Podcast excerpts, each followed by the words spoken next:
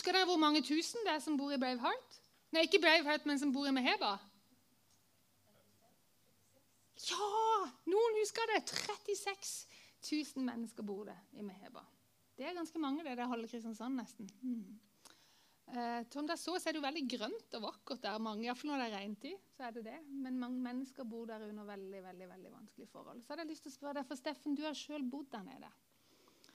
Og så, nå skrev jeg et ord som du sa. Hæ, hva betyr det? sa du det. Og da hadde jeg spurt hvor, i hvilken forfatning var du i? Hæ, forfatning? Så det var, vi bruker ikke det ordet lenger. Men kan du si noe om at du, du havna i Meheba? Hvor gammel var du da? Det husker jeg ikke. uh, ja Jeg var ganske veldig gammel, jeg husker ikke. Nei. Men Men du kan si noe om eh, hvordan var det med helsa di og livet ditt når du kom til Meheba? Si noe om det. Ja. Um, det møtet uh, med, uh, med Meheba er, er, er, noe som hadde forandret meg veldig. det er i bakgrunnen jeg har vært uh, i torturhus i tre år. Sorry, I forgot to say you may you may speak English if you like. Ah, thanks. Yeah. Sorry, I forgot to say it. yeah, I know you prefer it. yeah. ja. Jeg kan ta det på norsk og han på engelsk òg. Det går fint, det? Ja. ja. Um, så etter tre år i torturhus uh, i Kongo uh, fra 2001 til 2004 Takk. Fra 2000 til 2004 um, jeg, um, Det å bli utsatt til tortur uh, at, at uh, um,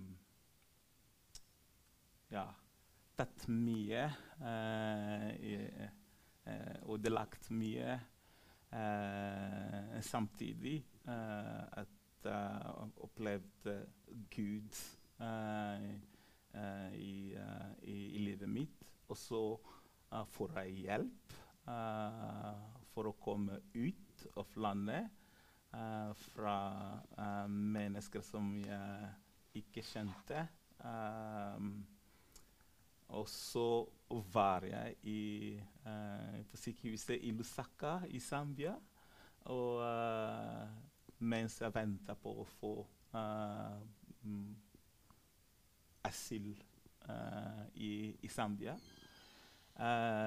det gikk ca. seks måneder fra da jeg kom til Zambia 28.12.2004, til jeg fikk asylsøknaden min. Uh, uh, innvilget uh, i Zambia og ble sendt da fra Lusaka, fra mottakssenteret i Lusaka, til Maheba flyktningleir. Hvordan var livet i, i Maheba? Ja. Hvordan var det å leve der? For, uh, for meg det, det, det, det Jeg hadde, jeg hadde en, this, uh, en, en, stor forventning at endelig får jeg uh, frihet. Jeg skal starte et nytt liv i, i leiren. og ja, i hvert fall langt fra de som torturerte meg. Langt fra de som undertrykte meg. Nå skal jeg begynne helt på nytt i et nytt land, beskyttet av av FN. Um, så jeg hadde gledet meg veldig uh, til til Maheba. Jeg var jo i, uh, i, i, prosessen til å bli bedre i forhold til helse. Men møtet med Maheba var annerledes fordi at uh, i mitt hode uh, hadde tenkt Jeg hadde opplevd det verste i livet. Uh, jeg hadde ja, um, opp, ja, opplevd mye. så jeg tenkte nå i Meheba jeg stedet på nytt. men når jeg møter Meheba, det var ikke frihet uh, som jeg, jeg, hadde tenkt å få. Jeg fikk ikke uh, det. Jeg opplevde Maheba som en, en, et nytt fengsel. Uh, et åpent fengsel. Eh, hvor i Kongo, i torturhus, jeg var i et lite celle, um, over 90 personer inni der. Uh, mens i Meheba flyktningleir, der var vi over uh, 40 000 flyktninger fra 14 forskjellige nasjoner. Og der uh, hadde vi ikke heller friheten til å bevege oss. Vi kunne ikke gå utenfor leiren. Man måtte søke for å, å søke visum for å gå ut av leiren.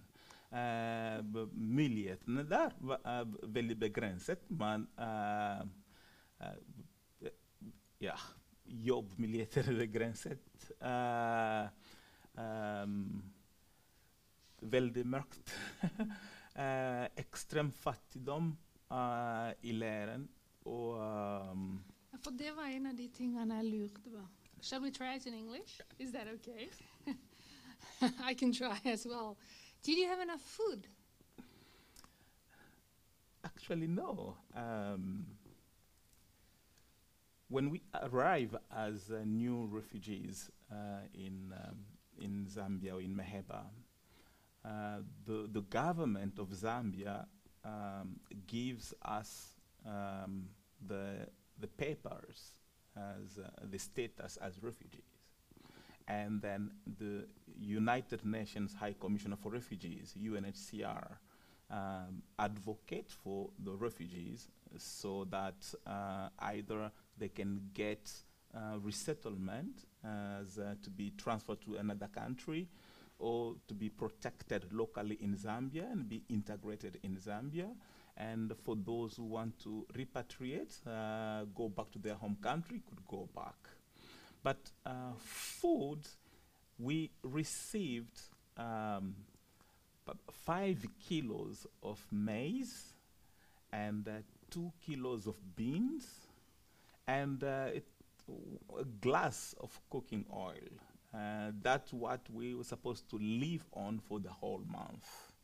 And very little salt. That's what we're supposed to live on, on for the entire month. And uh, it, it is not enough, and it wasn't enough uh, then.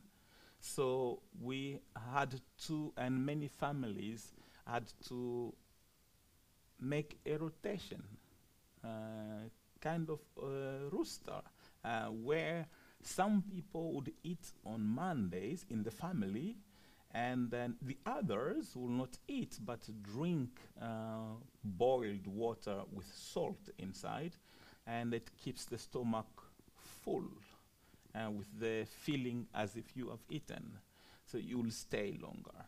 And for those who have some money, then they will add cooking oil in the boiled water. Then it, it becomes a source of energy, and you stay a little bit longer. And for those who had enough money, more money, will buy butter and we'll add in the boiled water and drink it and have a s- new source of energy. Then the stomach stay a little bit full for a little bit longer and throughout the whole night until the next uh, the next day. And that's how uh, many refugees were living, and that's how I was living. And what is that like today? Are people still living like that in Meheba?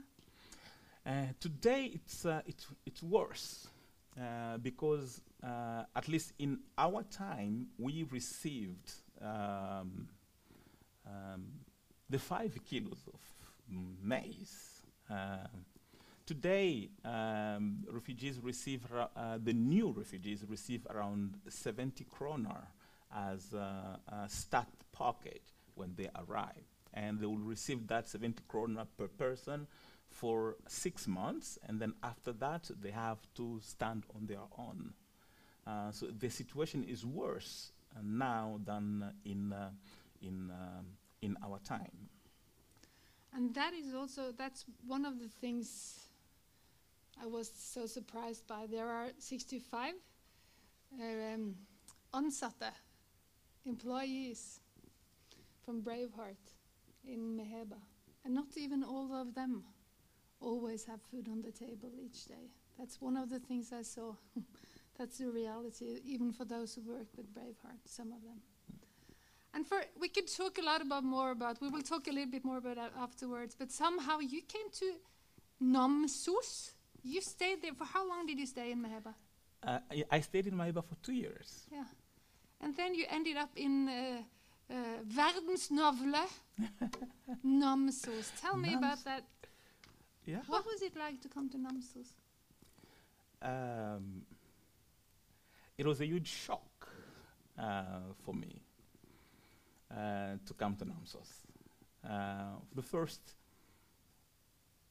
through the U, U, UN, uh, I did not apply to come to Norway, and and uh, I, I was told you're going to Norway, and and that's is a shock for somebody who comes from Congo, and uh, Congo has been a Belgian colony, and many Congolese would want to go to Belgium, France, Canada, uh, because they speak the same language, and the culture will be very close to each other. So many would love to go there, and um, in my uh, life. Uh, I knew very little about Norway, and uh, what I knew about Norway was uh, the Nobel Peace Prize. Uh, and that's something I knew about Norway. And so to be informed uh, that uh, the UN is sending you to Norway, and that was first the first shock. Norway, uh, where is Norway? Why Norway? Uh, do I have a choice? Can I say no? Um, unfortunately, those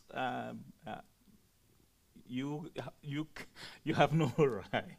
It's uh, okay. It's Norway then, and then no is accepted. And so um, it took around 17 hours from Zambia to Norway. But these 17 hours, they were both short uh, and uh, long. The interval between these, uh, this refugee camp, Maheba, and uh, Namsos, uh, it was both long and, and short. It was long in the fact that I got tired. We, we moved uh, from one place to another, about five transitions, uh, until we arrived in Namsos. And uh, it seemed so long, and I got tired. And I was, my first uh, contact with Namsos, I was like, what? Is this Europe? uh, the image we had of Europe is tall buildings, highways everywhere. It's uh, uh, blue light, multicolors in the night, and and and uh, the fancy cinemas, and, and that's the idea and the image of uh, the West and Europe. And when I arrived in Namsos, my apartment was uh, by uh, the sea, and uh, on, on, on, on front uh, was uh, two big mountains, and there were trees around. Like, is this this Maheba again? Am I really, really, really in Europe? Um, so it was, it was uh, strange. But, but that was uh, one side, the first shock. But the second shock is that what I think um, changed my life. Is the fact that um, it took me 17 hours from uh, extreme, extreme poverty, from uh, extreme lack, uh, to suddenly in a new world where I, the, the, the- contact person from NAV who received me and had prepared already and bought enough food, supplies for, uh, for me. And uh, my, my fridge was full.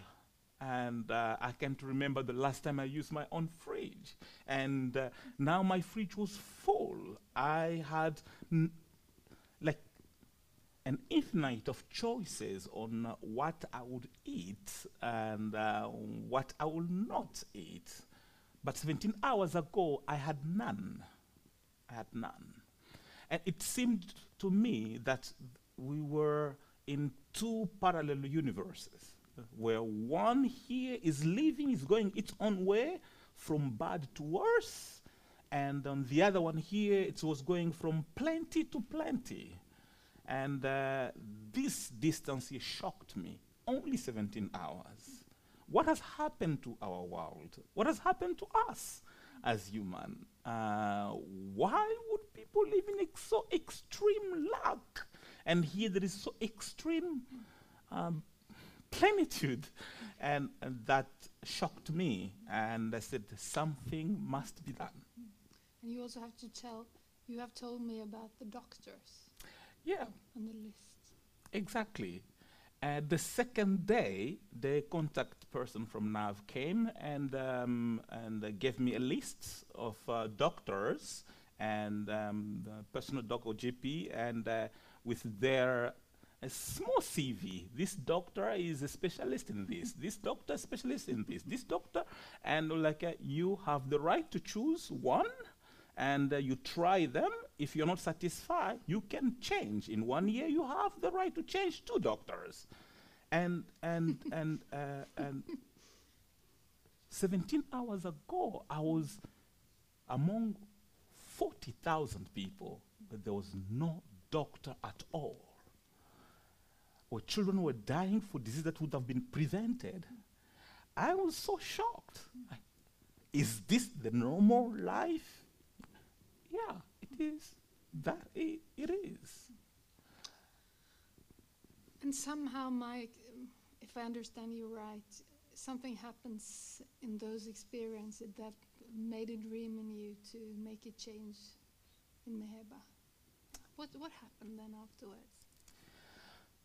What happened uh, was the experience of having the opportunity to choose either to eat uh, brown bread or loaf, uh, which I had not. And, um, and I said, I have to do something. Uh, I have to create a kind of a bridge between this universe here that I am in and the universe I've left 17 hours ago. Uh, what can I do? Unfortunately, as a new refugee, I live with introduction money, and uh, it caters for my uh, my food, my bills, house rent, electricity. They have to teach me to pay all these bills and, and to pay on time, and everything is calculated around that. And it's very difficult to save.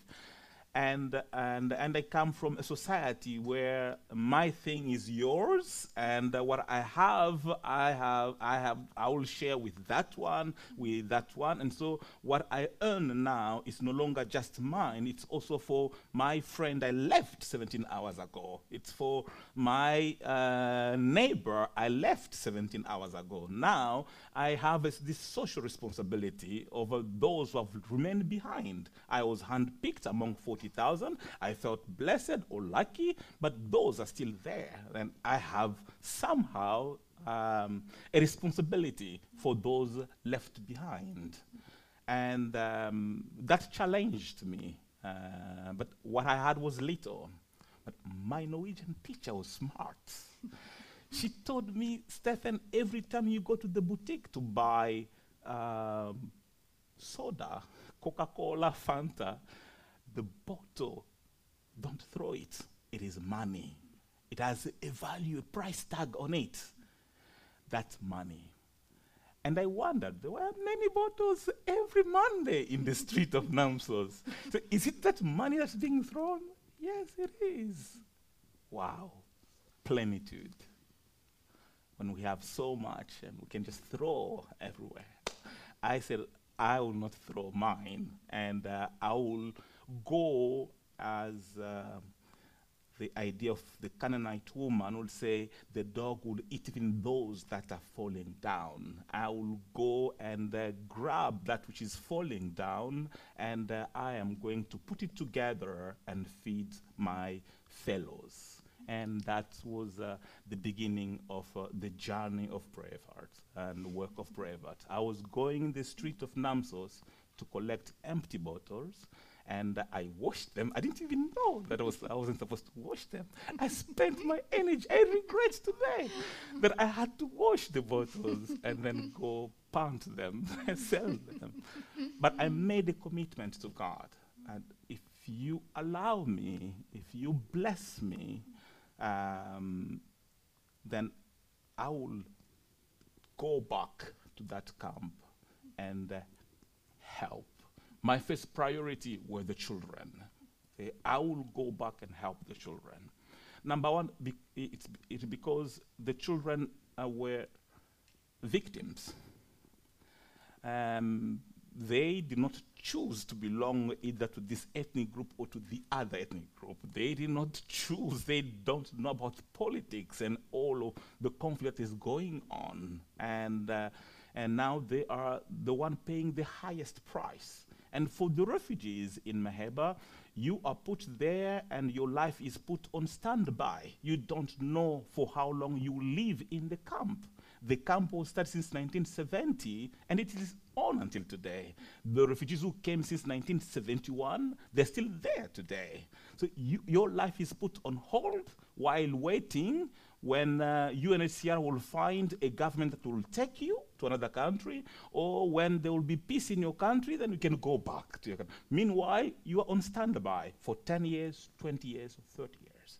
And for the children, their future is robbed from them. Uh, they will be there. And what happens is that parents will teach them, will continue. If we are suffering today, it is because of that ethnic group. And so they are sowing in them this hatred, and then, then they will be easily, because they are angry, and, uh, and, and, and, and, and they will easily be recruited in criminality. And, and this hatred against ethnicity goes on and on and on. This cycle of violence will go on and on and on. And for these families, it is as if the whole generation is cursed. None of these kids will be a leader, an engineer, a doctor, but they all have dreams of that. And, and I said, if God, you bless me, you, uh, I will come back for these children.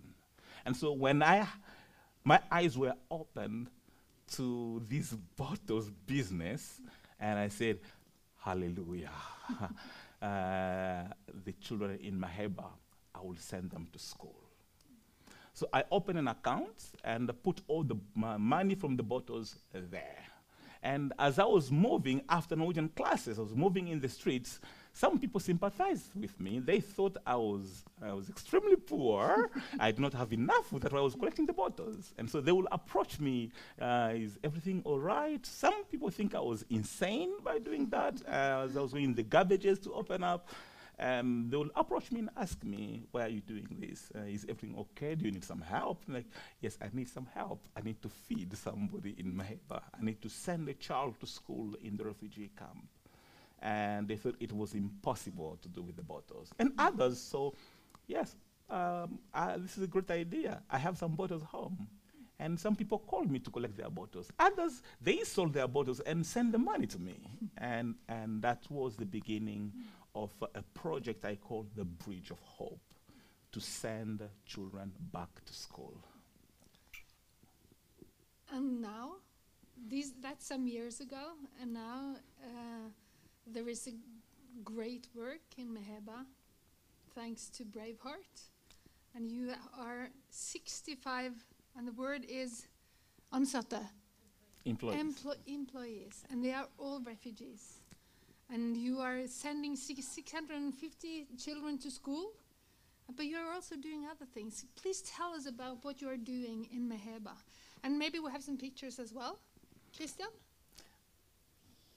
Yeah. Um, while, while the pictures will go, uh, I just I want to tell you, tell you this. That uh, um, the empty bottles is what I had in my hand uh, then. And uh, God used that to multiply.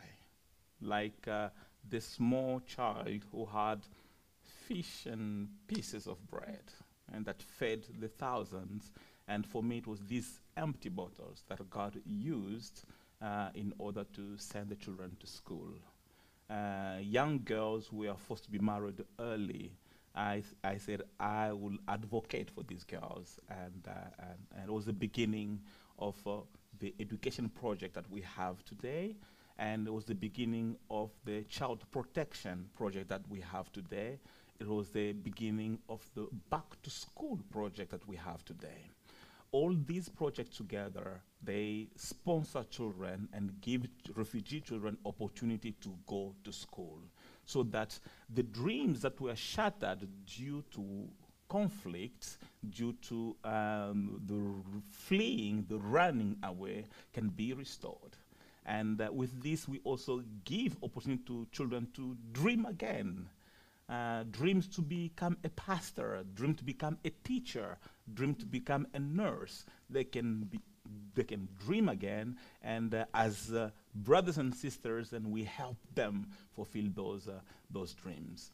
And then uh, I had an encounter in 2008 uh, when I went back to the camp to follow up this education project that I, I started. There was one lady, uh, she's a single mother from Rwanda.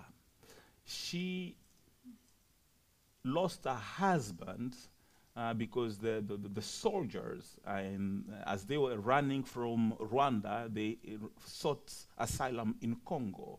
And uh, in Congo, there was a conflict going on there, and many rebels they used rape as a weapon, and so they came into their villages and they tied all the girls and mothers and asked the soldiers to go rape them in front of the families. And then the father, the husband of this lady, uh, was fighting to save her daughter, and that's how he was shot and he died. And this lady walked to run away from uh, these soldiers after the, the rape they experienced in the family. They ran in fear for two years. They walked on feet from all the way from Congo to Angola. And then from Angola, they walked all the way to Zambia for two years every single day. And as you see their feet, they tell you how long they have walked, how feet have been transformed with no shoes, long walk through the bushes, through the, uh, all that they went through.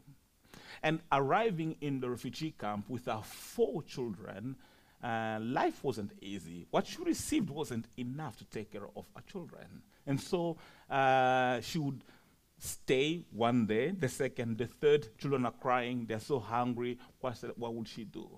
No opportunities, then she decided to go sell her own body, sex work to buy sweet potatoes for the children. She will go out, sell herself for five kroner, ten kroner, twenty kroner. And that was the salary. And she approached me. She said, I am tired. I am, I am, I am dead. I don't want to go on this way any longer. So I'm begging you, if you can lend me 20 kroner, the equivalent of 20 kroner. I want to start selling charcoal on the market. Kull. And, and, and, and then next year, when you come back again, I'll give you back your 20 kroner. Because I cannot go on with this life anymore like this. I was moved, and uh, the money from my empty bottles wasn't enough. My idea was only to send children to school, and now this lady came. I was confronted at all angle, and uh, I was shaken. And so I gave her 200 kroner, the equivalent of 200 kroner. I said, Here is the money. Go do whatever it takes you to do to run that uh, charcoal business. And when I come next year, you give me my money back. And if you do so, then I will use that money to give to another lady in your situation. We made a deal, we prayed together, and um, next year, when I came back, she had kept my money in a Bible, and she came and said, Here's your money back. But what she had done was she had not only started a small business of selling charcoal, now she had she was selling cornmeal, which is the main source of food that they use in, in Zambia. She was selling cooking oil. Now her children were going to school. Um, and she had moved from living in a tent, now she had bought bricks and built a small hut where they were living. She took me home to her own house. She made the food for me. And we ate and we praised the Lord. And that was the beginning of the second project of uh, uh, Braveheart, which was the women entrepreneurs or microfinance project that we are running in Braveheart. And uh, from there, we have sent uh, sponsored many women to, uh, to do small businesses. A, a some two years ago, we had an, an, an, an innovative idea with Ansgar students who are attending psychology. And we said, now we, we want, because many of these women, uh, women who have been exposed to extreme violence in their lives, and they carry a lot of trauma in them. And so now we wanted to combine a, a, an entrepreneurial uh, aspect to teach them to run small businesses at the same time to empower them so they can uh, take care and, um, on the trauma and give them some strategies, some tools that they can use in order to live uh, kind of a normal life in a place where there is no psychologist to take care of them. And that has been uh, a success. Mm. Besides that, uh, we have uh, a clinic, and uh, you heard about it uh, earlier today. Here we see it. Can we stop the pictures? Is that possible? Um, we have a, a, a clinic, um, and, and, and the clinic yes. has 20. The, the, here we have the clinic. the clinic, yes. And um, the clinic is like a mini hospital, has all the departments uh, there maternity, child ward, women, men and then an, an outpatient. And, and uh, every month uh, we, we, we receive around 1,600 to 1,800 patients. And, and, and, and during the corona time, and, and um, our clinic has been um, the main center for all the refugees uh, in, Maheba, uh, in, in Maheba. And, and unf unf unfortunately, the challenge is that uh, while the project, the health project, is our biggest project and is uh, giving free medical care to the refugees there. And this project, and like many uh, others, are being sponsored and funded by small individuals, by family and friends.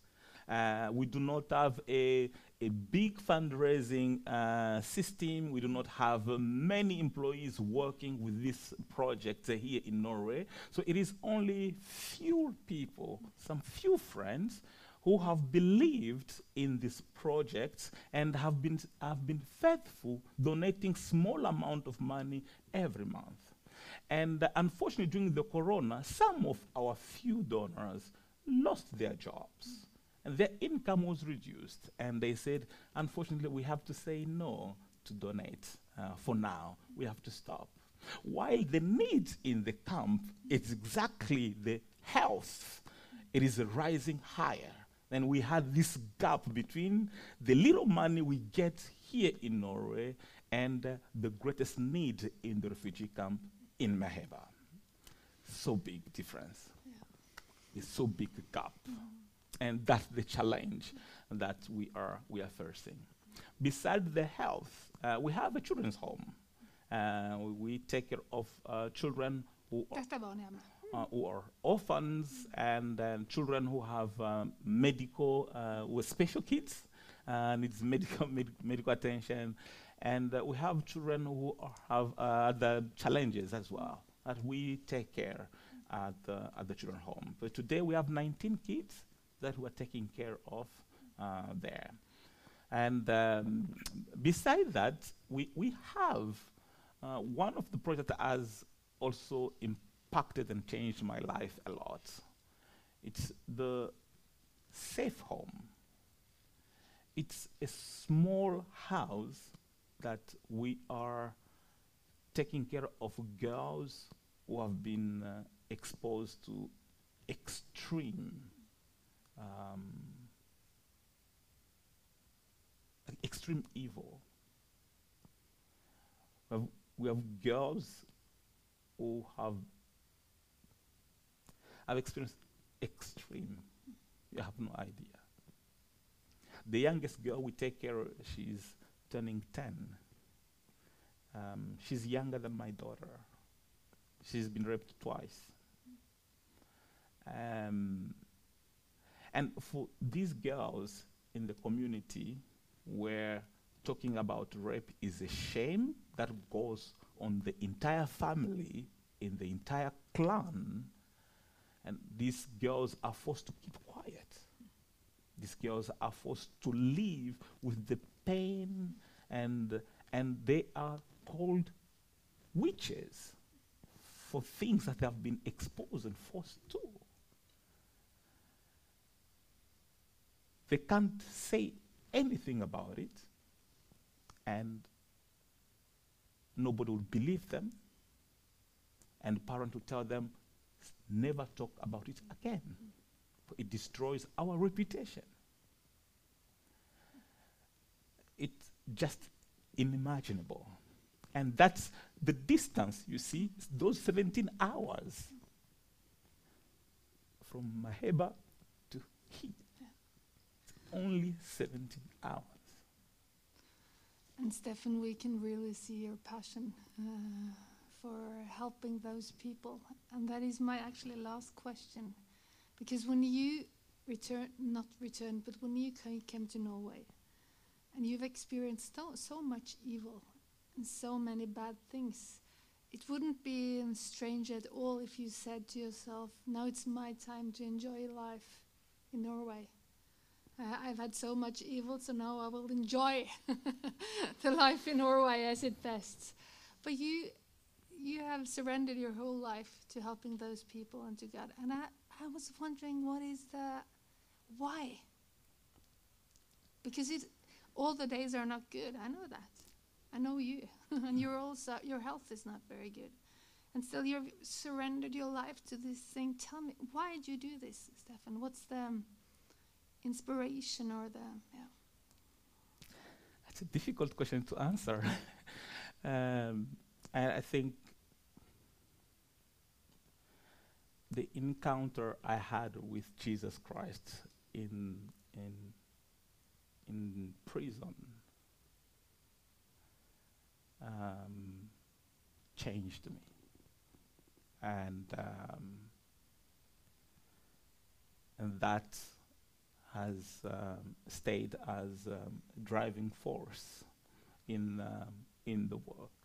Uh, I experienced the uh, extreme love of God. I experienced extreme kindness of God. And uh, this God, His spirit, and He uses us people to bless other people, to change other people. While on the 24th of December 2004, my brother was shot dead. I climbed up from the septic tank, smelling, crying, and uh, giving, up on my life. That it's best I die here. I see no more meaning for life. The missionary nurses, Catholic missionaries, they met me. They saw me dying there. They had all the right to pass by me. He's a criminal. He's an, a, a, someone who has escaped from the prison. Let's call the police. He must be arrested. We must return him to the police. But no, they took me in, they treated me, they met me with love, they met me with extreme kindness. They offered me what they would have said I did not deserve. As a prisoner, the tag is already a criminal. They met me with extreme love and gave me a chance to live, to be where I am today and be able to testify because I was met with extreme love.